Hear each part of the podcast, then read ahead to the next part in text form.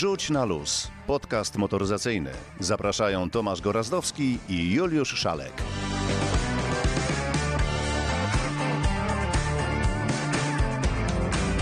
Dzień dobry, dobry wieczór. 118 odcinek podcastu Wrzuć na luz, panie Juliuszu. Wrzuć Bardzo się na cieszę. luz. 118 razy spotkaliśmy się z naszymi słuchaczami, niekoniecznie z tobą, bo przecież były różne przeboje w tej długiej już naszej historii, ale chciałbym, żeby ta historia zaczęła być pisana od nowa. Właśnie od dzisiaj, tak jak dzisiaj. Ciepła kawa, zapach smażonego kotleta i na przykład broku. Dla punktualnych zawsze mamy coś w domu, dla tych, którzy spóźniają się...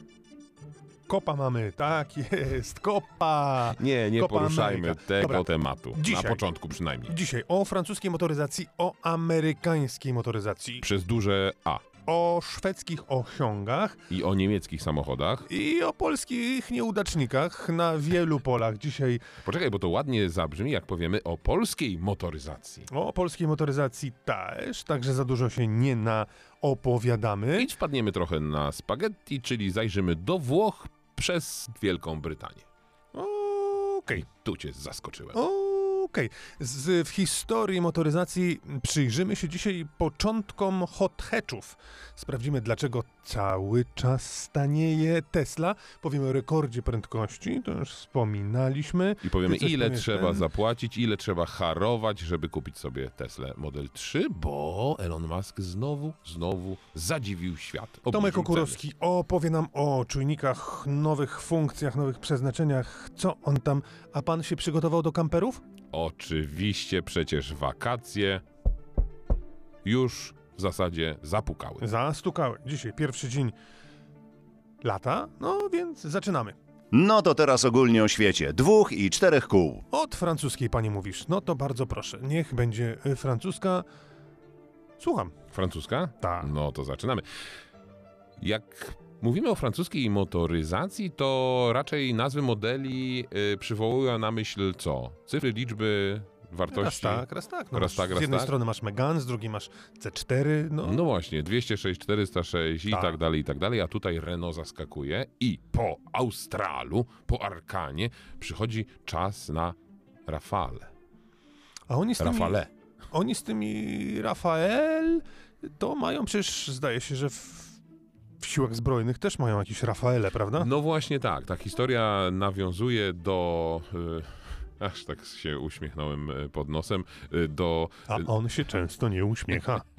Nawiązuje do tych dobrych momentów w marynarce wojennej, a w zasadzie w siłach zbrojnych francuskich sił powietrznych, jeśli można tak się wyrazić, bo właśnie Rafale to kiedyś był samolot, który był bardzo aerodynamiczny i bardzo, no, taki zasługujący na uznanie, jeśli chodzi o parametry i lotu, Tak i parametry Concorde. bojowe. Tak, ale wracając do samochodu, ta nazwa została zapożyczona właśnie z tego niesamowitego projektu samolotu e, i to jest kolejny coupé, kolejny samochód typu coupé, kolejny SUV coupé.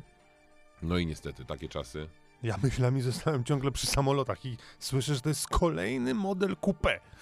I tak się zastanawiam, Myślałem, że twoje Cóż myśli gdzieś indziej powędrowały, jest ale nie. Jest to samochód y, właśnie coupé, ale oczywiście no nie ma co tutaj ukrywać, że wnętrze tego samochodu już nie jest tak nowatorskie jak nazwa, jak y, odwołanie do historii, bo wnętrze tego samochodu przypomina zgoła właśnie wspomniane Australa, wspomnianego Australa. Więc a wnętrze nie jest Austral nowe. wcześniej przypominał Kadżara.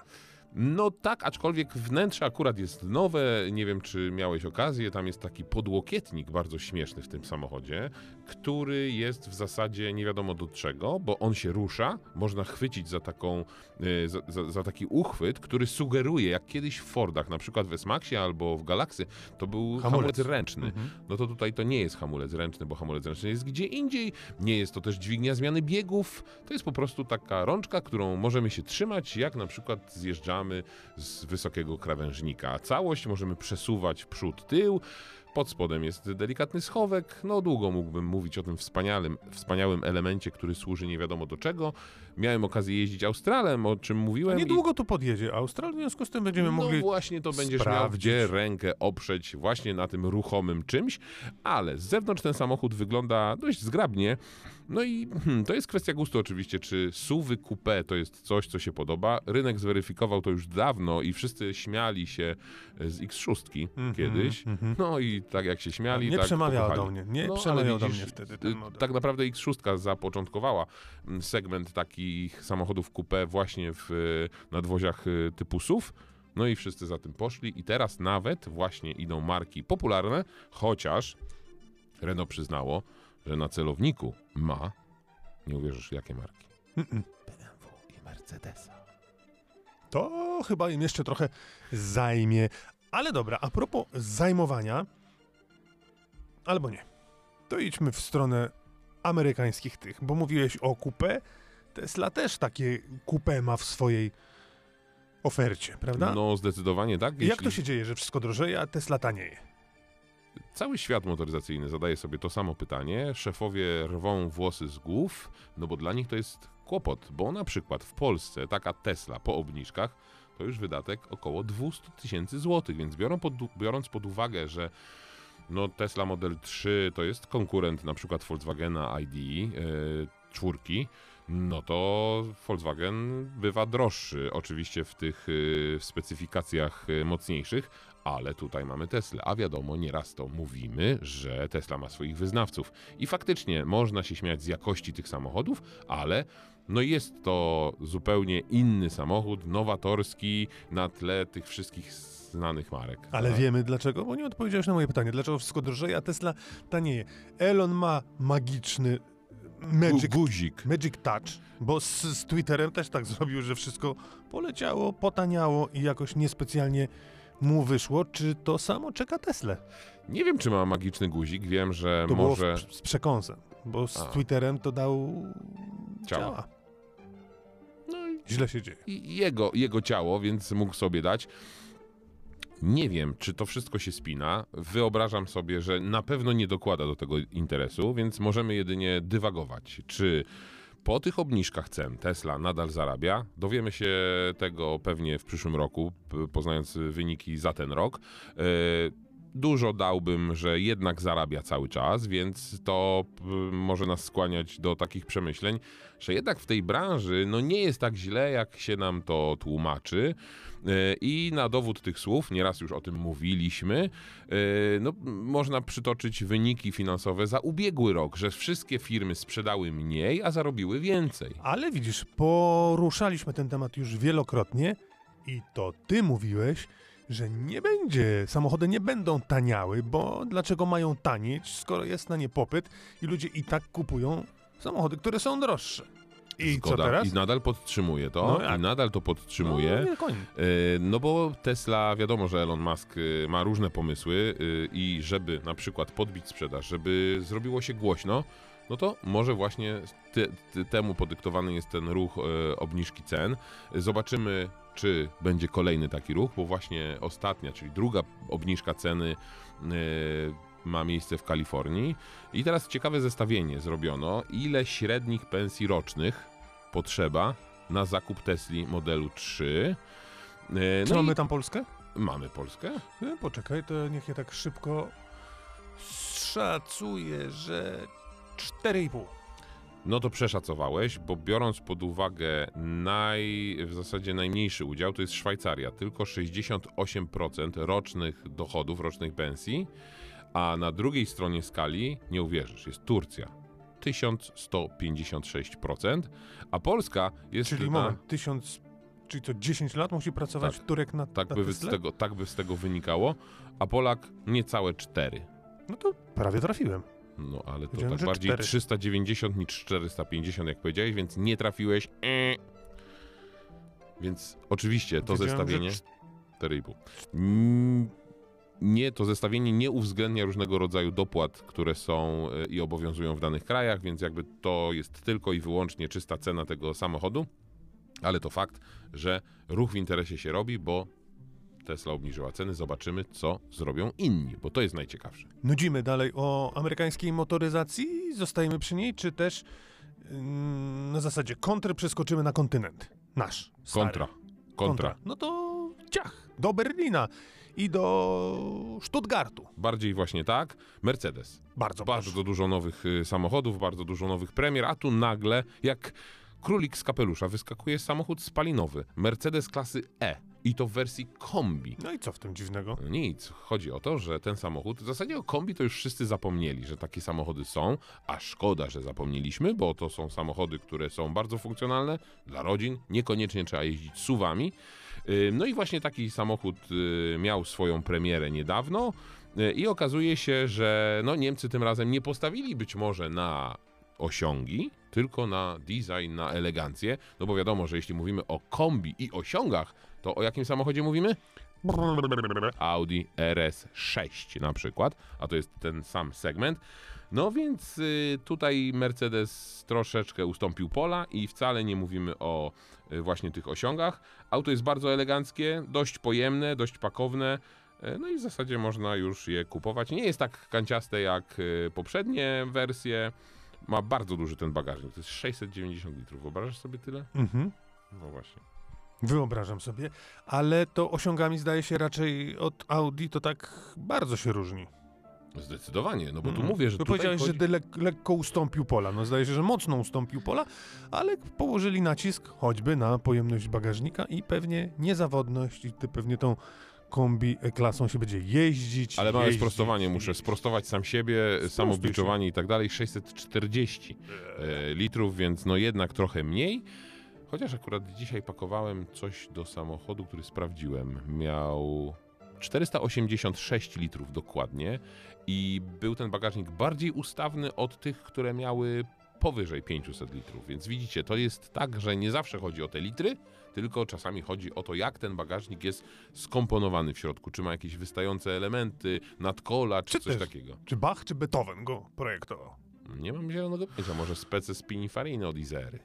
Dobrze. To w takim razie teraz wspomniałeś o osiągach. To może o nowym rekordzie, rodem ze Szwecji. No to cóż, że ze Szwecji. Jak pięknie, jeszcze raz. No to szybciej. cóż, że ze Szwecji. No to cóż, że ze Szwecji. 28 sekund. 81.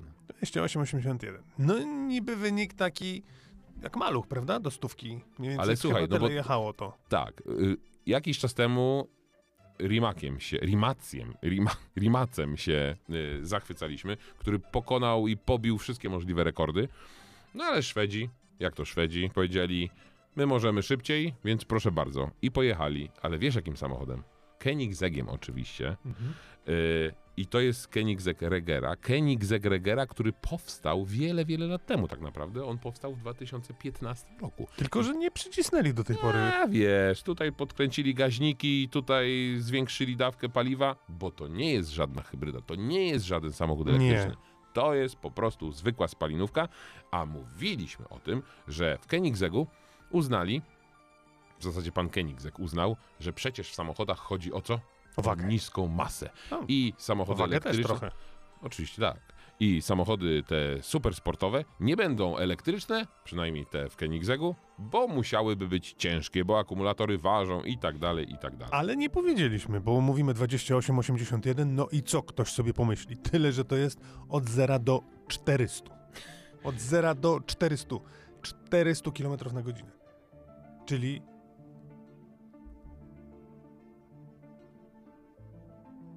I jedziesz 400. No właśnie. Kurczę. I jeszcze zahamowałeś. Yy, 0400 0. Nie, 0,400. 0. Nie. Tak. A co się będziesz kłócił? Do sprawdzenia. Do sprawdzenia. Moim zdaniem nie, na pewno nie. Nie, 0,400 po prostu. A potem hamujesz, wiesz, możesz wytracać W prędkość. okamgnieniu hamujesz. No właśnie, dobrze. Mogę powiedzieć, jaki ten silnik jest? No mów. Nie wiem, 5 litrów biturbo, 1100 koni mechanicznych, kogoś to interesuje chociaż? No myślę, że... No właśnie. Tak.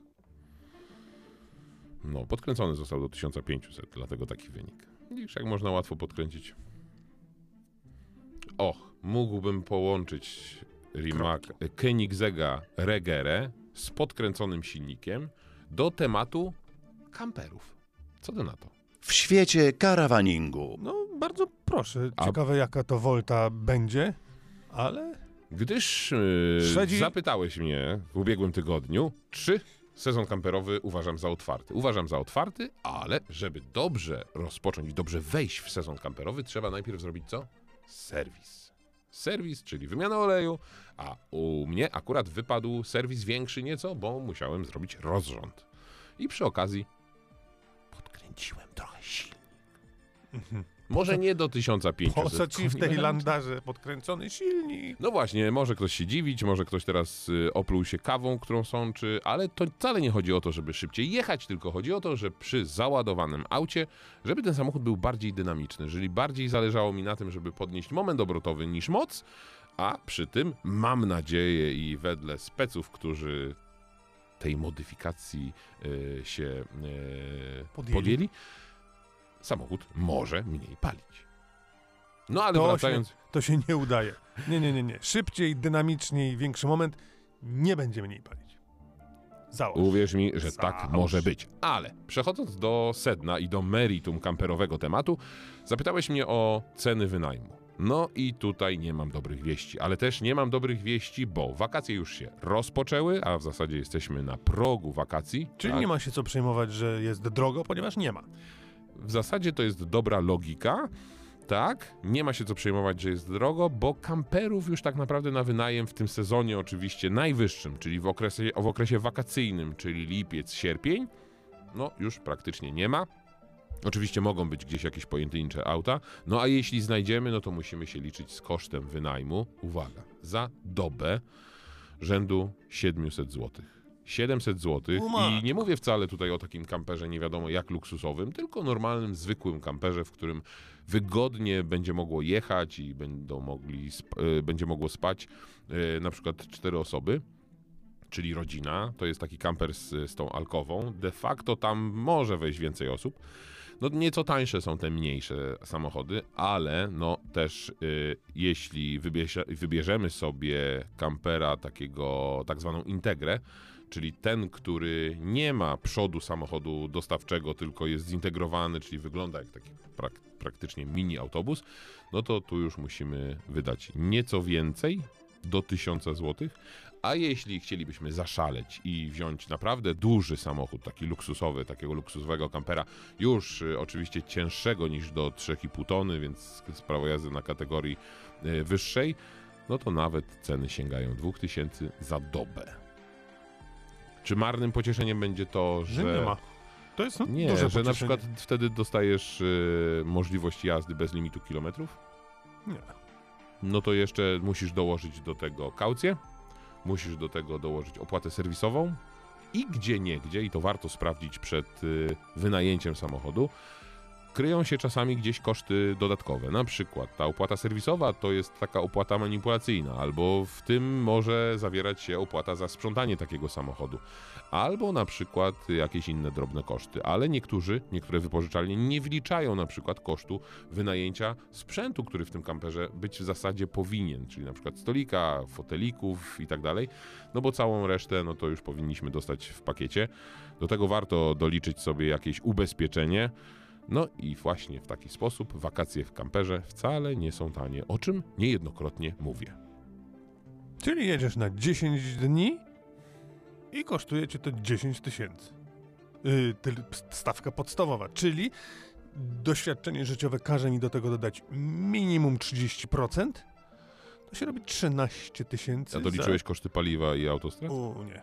No, to jest istotny punkt programu, a chciałbym tylko zauważyć, że większość ludzi jednak tak z wypożyczalni, bo chyba nawet to jest w niektórych umowach zapis taki obowiązek, no jednak trzeba spać na kempingach. No więc jeszcze dochodzi nam koszt kempingu, czyli de facto noclegu. No więc jeśli sobie to wszystko policzymy dokładnie, to takie wakacje w kamperze nie są tanie i lepiej pojechać albo polecieć z Radomia na Kos, a może akurat nie na tę Tam nie lata. wyspę, nie, ale gdzie Paryża. indziej, do Paryża na przykład, chociaż nie chciałem tą Grecję, bo jednak z Radomia tam jest bliżej. To prawda. No właśnie, więc będzie troszkę taniej. I luźniej jest zdecydowanie. Widziałem ostatnio zdjęcia luźno jest raczej. Nie na kosie, ale w Radomiu. Radomie, tak. No to w tym roku rozumiem, że pożyczasz kampera. Komu? Mm, Mi, mi, mi, mi, mi. No słuchaj, stawka jest y, ustalona, Tysiąc kaucja ustalona, więc nie ma absolutnie problemu, ale to prawda, że no to nie są tanie rzeczy, to nie są tanie rzeczy. No to teraz da Coś straciłeś humor. Fra, tak, tak, tak. Jakoś, jakoś chciałem się przekonać do tego kamperowania i. No jak tu się przekonać? Jak tu się przekonać? To może teraz o czymś przyjemniejszym Wesołym? i O ciekawszym. Izerze. To za chwilę. Słuchaj, ja proponuję teraz kącik historyczny. Antyk Grudniewski przygotował nam takie y, zestawienie o tym, jak powstawały hot hatche. To wynika z tego, o czym mówiliśmy zupełnie niedawno, ale co ja będę mówił, niech mówi on. To się naprawdę wydarzyło w świecie motoryzacji. Przed tygodniem opowiadając o klasie A marki Mercedes-Benz, płynnie przeszliśmy również do hot hatchy, bo klasa A również ma takie oblicze. Ale skąd one się wzięły? Kto wpadł na pomysł ich realizacji? Z czego wyniknęła potrzeba? Na te pytania postaram się dzisiaj odpowiedzieć. Wielu i wiele z Was intuicyjnie wskazałoby, że pierwszym hot hatchem był pierwszy Golf GTI. Blisko, ciepło, ale nie do końca. Żeby poznać historię pierwszego hot hatcha, musimy cofnąć się jeszcze o 20 lat od momentu debiutu Golfa, czyli do lat 50. Dokładnie 1956 roku. Wtedy wybucha konflikt pomiędzy Egiptem, Wielką Brytanią, Francją i Izraelem. I być może w normalnych okolicznościach nie miałoby to wpływu na historię motoryzacji, ale w wyniku działań zbrojnych wstrzymany został przepływ towarów na kanale sueskim. Również ropy, w wyniku czego jej cena poszła drastycznie w górę. Dlatego British Motor Corporation zgłosiło zapotrzebowanie na mały, ale przede wszystkim ekonomiczny samochód. Nie tylko pod kątem spalania, ale również pod kątem konstrukcyjnym, bo ani Fiat 600, ani Garbus tanie pod kątem technologicznym nie były. Silniki umieszczone z tyłu, ciężki wał napędowy, brak miejsca na bagaż. Takie wtedy były auta. Dlatego zatrudniony przez BMC Alec Isigonis postanowił zburzyć wszystkie dotąd poukładane klocki i zrobić to po swojemu, prościej. Silnik przeniósł do przodu, lepiej integrując go ze skrzynią biegów. Stworzył miejsce na bagaż, odchudził konstrukcję i tak powstał Mini. Morris Mini Minor pod taką nazwą był sprzedawany od roku 1959.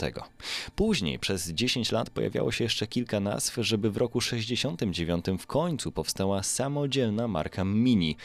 Wielkie zainteresowanie i jeszcze większy sukces. Tak można streścić pomysł na samochód, który powstał poniekąd z konieczności.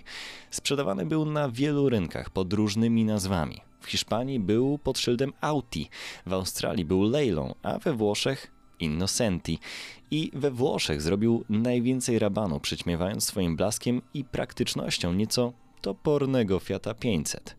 I w tej sytuacji Fiat nie schował głowy w piasek. Postanowił schować się na chwilę w okopach, żeby niebawem wyjść z kontrpropozycją. Był nią Fiat 127 zaprezentowany w 1972 roku. Niemniej zaprezentowany również pod inną marką, Auto Bianchi, którą Fiat współprowadził z Pirelli i w tej marce widniał jako model A112, który zadebiutował już dwa lata wcześniej. W międzyczasie Mini dostaje kolejny strzał. Trafia w ręce Johnego Coopera, konstruktora samochodów sportowych, dzięki któremu niebawem trzykrotnie zwyciężyło Raid Monte Carlo. Co na to Fiat? Oni też postanowili zgadać się z pewnym konstruktorem, a był nim Carlo Abarth. Abarth, który z 44-konnego A112 wycisnął przeszło 100 koni mocy, czyli więcej niż Mini.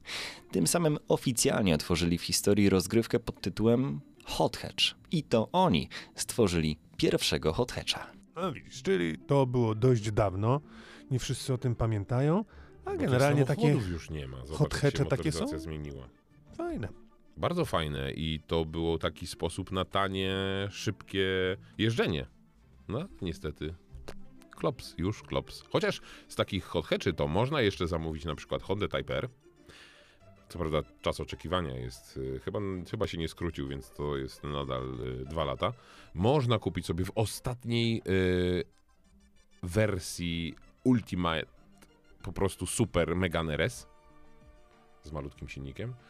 No i kilka takich aut jest. Ale i jak świeże bułeczki, zobacz, roz, rozszedł się ostatnio Golf, czyli tak naprawdę król hot Ile tam? hatchy. 333. 333, tak. W 8 sekund, czy tam 8 minut, czy tam ileś, no ale to tylko tyle egzemplarzy było, więc to naprawdę tak, wiesz, tylko skupili ci, którzy kupili bez przebiegu i do salonu. I niech wartość rośnie. Ale tak, hot hatche to są fajne samochody. Były w zasadzie. To teraz o bece. Co znowu z tą Izerą? Wrzuć na luz, wyluzuj. Otóż chmury Chmury się zbierają. Chmury się zbierają, wybory idą i nie wiadomo, nie wiadomo jak to będzie, ale Najwyższa Izba Kontroli poprosiła premiera, żeby interweniował w sprawie Izery. I tyle wiadomo. nie wiadomo, czy Premier inter- zapewne pokaże im gest Kozakiewicza. Nie wiem, nie jestem do końca przekonany, bo może przyspieszy temat i jednak coś tutaj drgnie w rajtuzach, jak to mówią, no bo wiesz, milion samochodów elektrycznych to był przecież autorski pomysł pana Ale premiera. przecież do wyborów nie zrobią. Choćby pan premier No nie, no nie, ale może jest jakiś fundament pomysł. może wyleją do tej pory. Też nie. Mm, Może tak, może, może, może wyleją, może nie wyleją, ale na pewno będą to długo jeszcze ciągnąć. W nieskończoność. Żeby się tak nie naprawdę. okazało, że to wiesz, jest poważna przewała. Słuchaj, nie wiem, czy to będzie poważna przewała. Być może w międzyczasie zmieni się nazwa projektu, bo na przykład zmienia się nazwa jednego z większych y, dostawców paliwa na naszym rynku. Nie wiem, czy wiesz, ale już niebawem no, nie zatankujesz na Orlenie, Nie polskim tankuje. koncernie naftowym. Nie tankuje. Nie zrobisz tam y, siku też i nie kupisz sobie kawy, no bo po prostu Orlen zmienia nazwę i pewnie logo. Chociaż może z tym logo to Trzeba komuś zapłacić. Kto wymyśli? Y, Z czego zmienia? rezygnuje polski koncern naftowy, bo uznano, że to już nie tylko jest polski, ale to jest y, międzypolski koncern naftowy. Zrezygnowaliśmy z polskiego? Tak, bo jakoś za granicą jest to słabo rozpoznawalne, nie? Więc Zostaje dowie, tylko Orlen.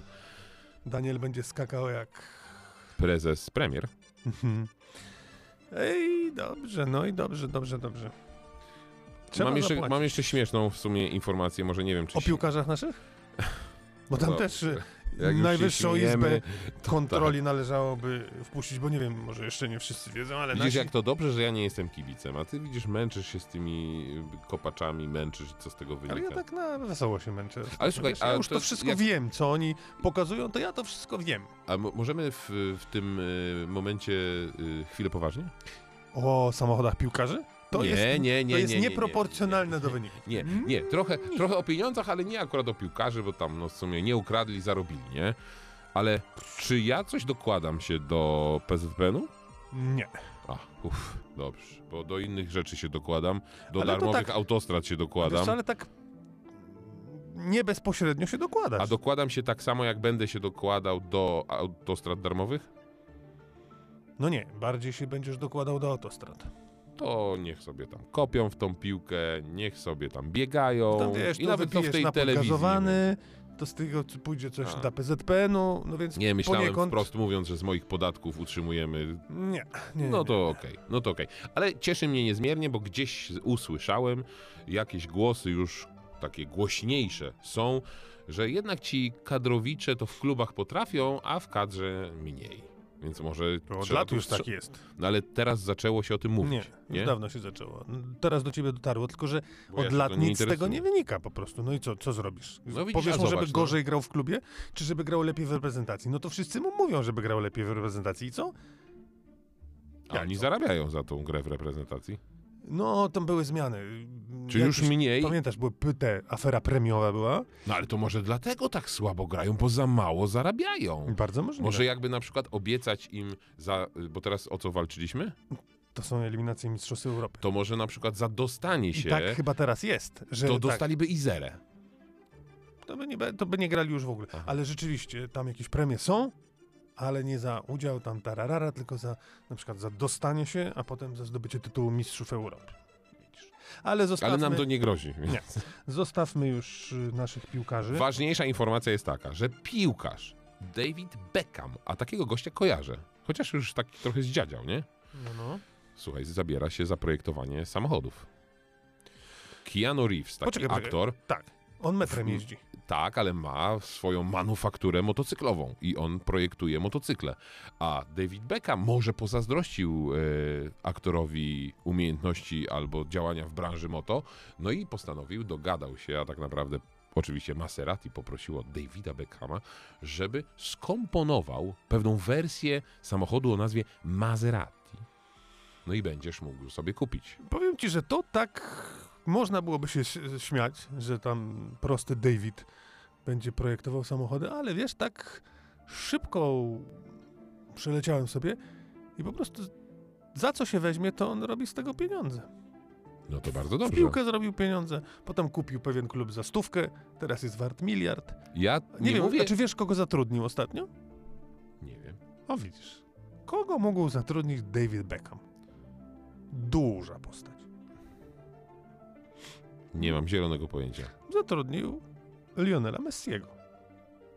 A, Który tego, co tam poszedł do tego klubu zarabiać pieniądze. No nie, on, Messi mówi, że jakby chciał zarabiać, to by poszedł do Arabii Saudyjskiej, bo proponowano mu tam 500 milionów euro za rok gry. A, to już teraz łączę kropki. A w Miami? Czyli właśnie, w Miami. W Miami A, będzie zarabiał ja tylko to słaby 60. jestem.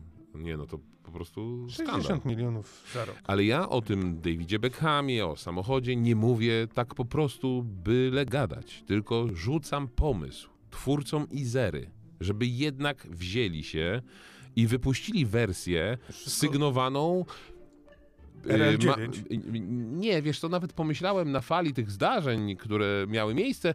y, Piotr Zieliński, dobrze kojarzę? No wczoraj się akurat nie popisał. No Mocno właśnie, nie to o nim popisał. myślałem. To o nim myślałem. Taką wersję Izery na przykład by Peter Zieliński.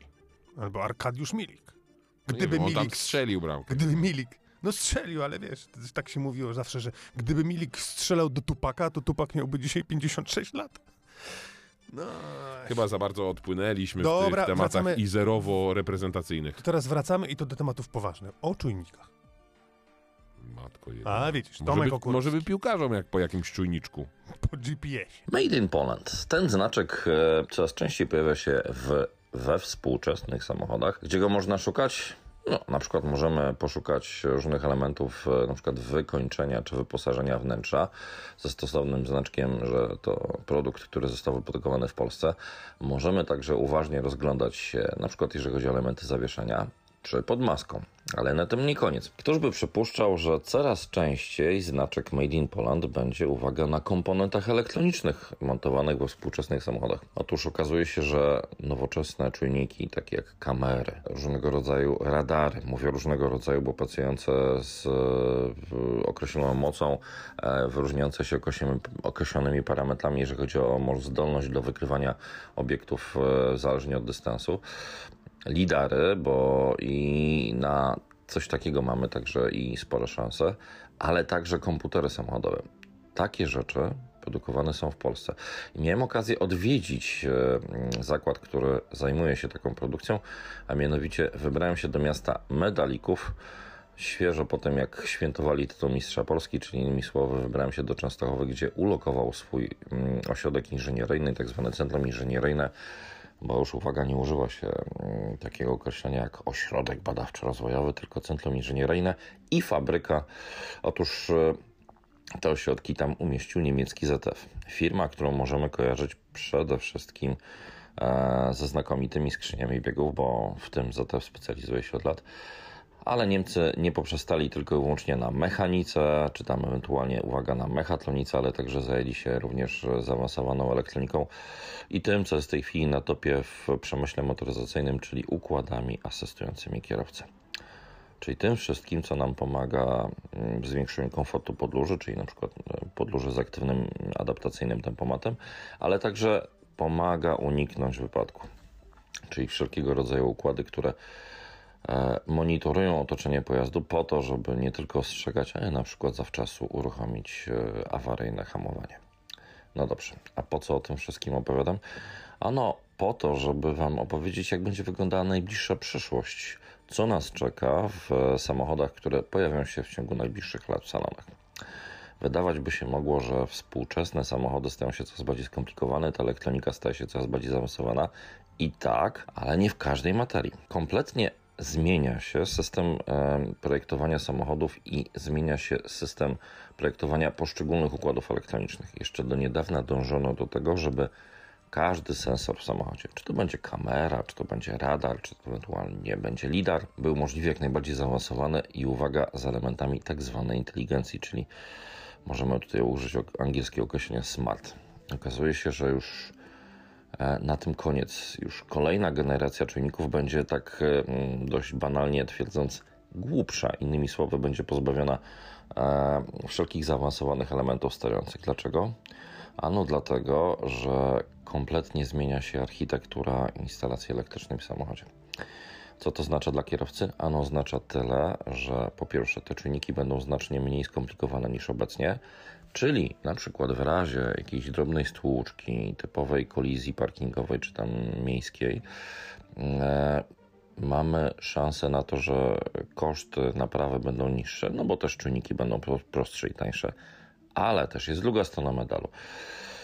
To uproszczenie, czyli e, wszelkiego rodzaju sensorów niezbędnych dla pracy układów asystujących kierowcę, oznacza jedno, że mm, będą współpracować ze znacznie bardziej zaawansowanymi komputerami sterującymi niż obecnie stosowane w samochodach. Inżynierowie ZF w Częstochowie żartują, że mm, nowe komputery, jakie w tej chwili są wprowadzane na rynek, one są porównywane z najnowocześniejszymi konsolami do gier. To jest mniej więcej tak, jakbyś teraz mógł sobie na przykład umieścić pod maską najnowszą konsolę PlayStation 5 czy tam najnowszego Xboxa i oczywiście jeszcze odpowiednio podrasowanego, bo nie jest tajemnicą, że jeżeli chodzi o moc obliczeniową, to teraz trwa wyścig pomiędzy producentami, żeby ta moc obliczeniowa była jak najwyższa, czyli już znacznie wyższa niż obecnie stosowanych konsol do gier. No bo ten komputer musi naprawdę obsłużyć sporo urządzeń współpracujących. Czyli to mm, oznacza, że będzie współpraca z lidarem, będzie współpraca z wszelkiego rodzaju kamerami, z wszelkiego rodzaju radarami o różnych parametrach pracy, jeżeli chodzi o szczególnie m.in. dystans i zakres wykrywanych obiektów. Żeby to wszystko nadzorować, potrzeba naprawdę potężnej mocy obliczeniowej. I oczywiście potrzeba do tego odpowiedniego chłodzenia, no bo ten sprzęt się grzeje. Więc uwaga, najnowsze komputery w samochodach już nie będą kojarzone z takimi urządzeniami, które mają tylko wielkie radiatory chłodzone powietrzem, ale uwaga, także będzie chłodzenie cieczą, jak na przykład w nowych samochodach elektrycznych, jeżeli chodzi o już duże mm, akumulatory i przede wszystkim zdolność do przyjmowania dużej mocy ładowania, bo to wszystko jednak się grzeje. To mamy jeszcze dwa tematy. I teraz wrócimy do korzeni. Od tego prawie, że zaczynaliśmy. Znowu pojechałeś beze mnie? Na Tak. imprezę fajną. Daleko.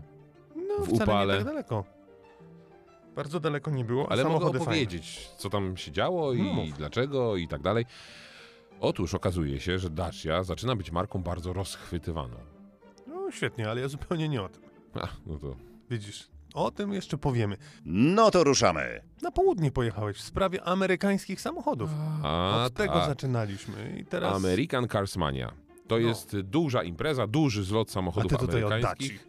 No właśnie, nie pomyślałem w ogóle. Ojej, drugi raz jakieś tutaj samobiczowanie muszę uskutecznić.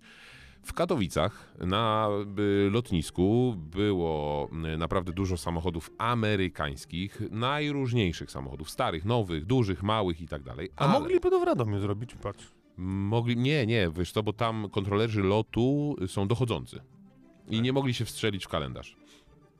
Poza tym na premier ląduje, więc wiesz. I oczywiście te samochody były, można było je oglądać, naprawdę niesamowite. Zdziwiło mnie na przykład, że na e, imprezę o tematyce samochodów amerykańskich przyjechał wojsko polskie, przywiozło niemiecki czołg Leoparda. Na przykład nie dogadali się, żeby Abramsa jakiegoś tam przywieźć, no nie wiem, nieważne. W każdym razie mm, był wyścig na 1 czwartą mili, były samochody elektryczne, y, była hamownia, taka rozkładana. Niestety pierwszego dnia jeden samochód y, nie pokonał tej hamowni. Hamownia pokonała samochód. Ale najciekawsza informacja chyba jest taka, że Otomoto zrobiło z okazji takiej imprezy y, raport jakie samochody sp- sprowadzamy ze Stanów Zjednoczonych? Bo okazuje się, że cały czas bardzo mocno drenujemy rynek amerykański i e, rynek amerykański jest w zasadzie piątym rynkiem, e, z którego sprowadzamy samochody. I na pewno jak zapytam cię, jakie samochody z tych Stanów sprowadzamy, odpowiesz Fordy Mustangi, tak odpowiesz.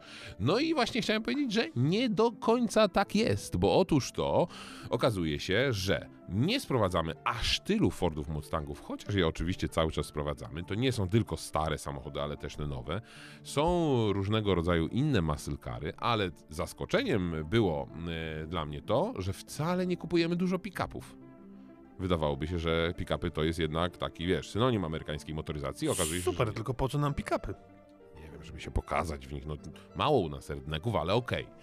Okazuje się, że najwięcej tak naprawdę, a no nie skłamię jak powiem, że bardzo dużo, sprowadzamy minivanów. Czyli to jest jednak segment samochodów, który w Stanach ma się bardzo dobrze, a w Europie ma się nieco gorzej. I może to jest jakiś pomysł na to, żeby jednak sprawić, że samochód rodzinny nie będzie dużym suwem, tylko właśnie pojemnym minivanem. Taka tutaj refleksja mnie naszła. Poza tym okazuje się również, że sprowadzamy nie samochody wcale z takimi największymi silnikami. Yy, oczywiście musimy wziąć pod uwagę, że to, co duże w Stanach, to niekoniecznie jest duże w Europie, więc jak tam kupujemy dużą kolę, Nie, nie, nie, odwrotnie. To, co tam jest duże, to, u nas- to u nas jest gigantyczne. To, co tam jest nie za wielkie, u nas już jest duże. to silnik 3-litrowy to jest duży czy mały? U nich mały, u nas duży. No i właśnie tak chciałem powiedzieć i tak mówię i tak wychodzi z raportu. Okazuje się, że kupujemy samochody z silnikami, najczęściej oczywiście, najchętniej sprowadzamy samochody z silnikami o przedziale 2,5 do 3 litrów pojemności, czyli tak naprawdę u nas to już nie ma producentów, którzy takie silniki produkują. Yy, wszyscy się wycofują z tego, a my chcemy z takimi samochodami jeździć, bo uznajemy, że tylko takie silniki mają wystarczającą moc, a wiadomo, że w Stanach Zjednoczonych pojemność nie idzie w parze z mocą. A pojeździć można było w tych Katowicach? Pojeździć można było tak na byku na przykład, takim wiesz, na rodeo. Yy, No, samochodami można było pojeździć jak z kimś zagadałeś, a chętni byli, więc yy, można było na pace sobie pojeździć, można było nawet kupić. Zaskoczenie było dla mnie to, ile nowych korwet przyjechało, no bo też dużo wystawiało się salonów sprzedaży, takich prywatnych importerów, no i faktycznie można było z czego przebierać, wybierać i już. To ja szybko taką anegdotkę ci opowiem. Kiedyś, O kiedy jechałem... motoryzacji? Tak.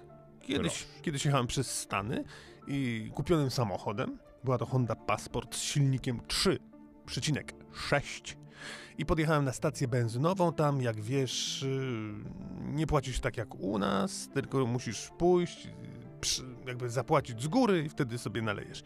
I poszedłem, zaparkowawszy tą, tą Hondę, to taki SUV spory, 3,6 i pani się pyta mnie, z którego typa tego okienka? Ja, więc ja patrzę i nie wiem i mówię, pokazuję, że to ten.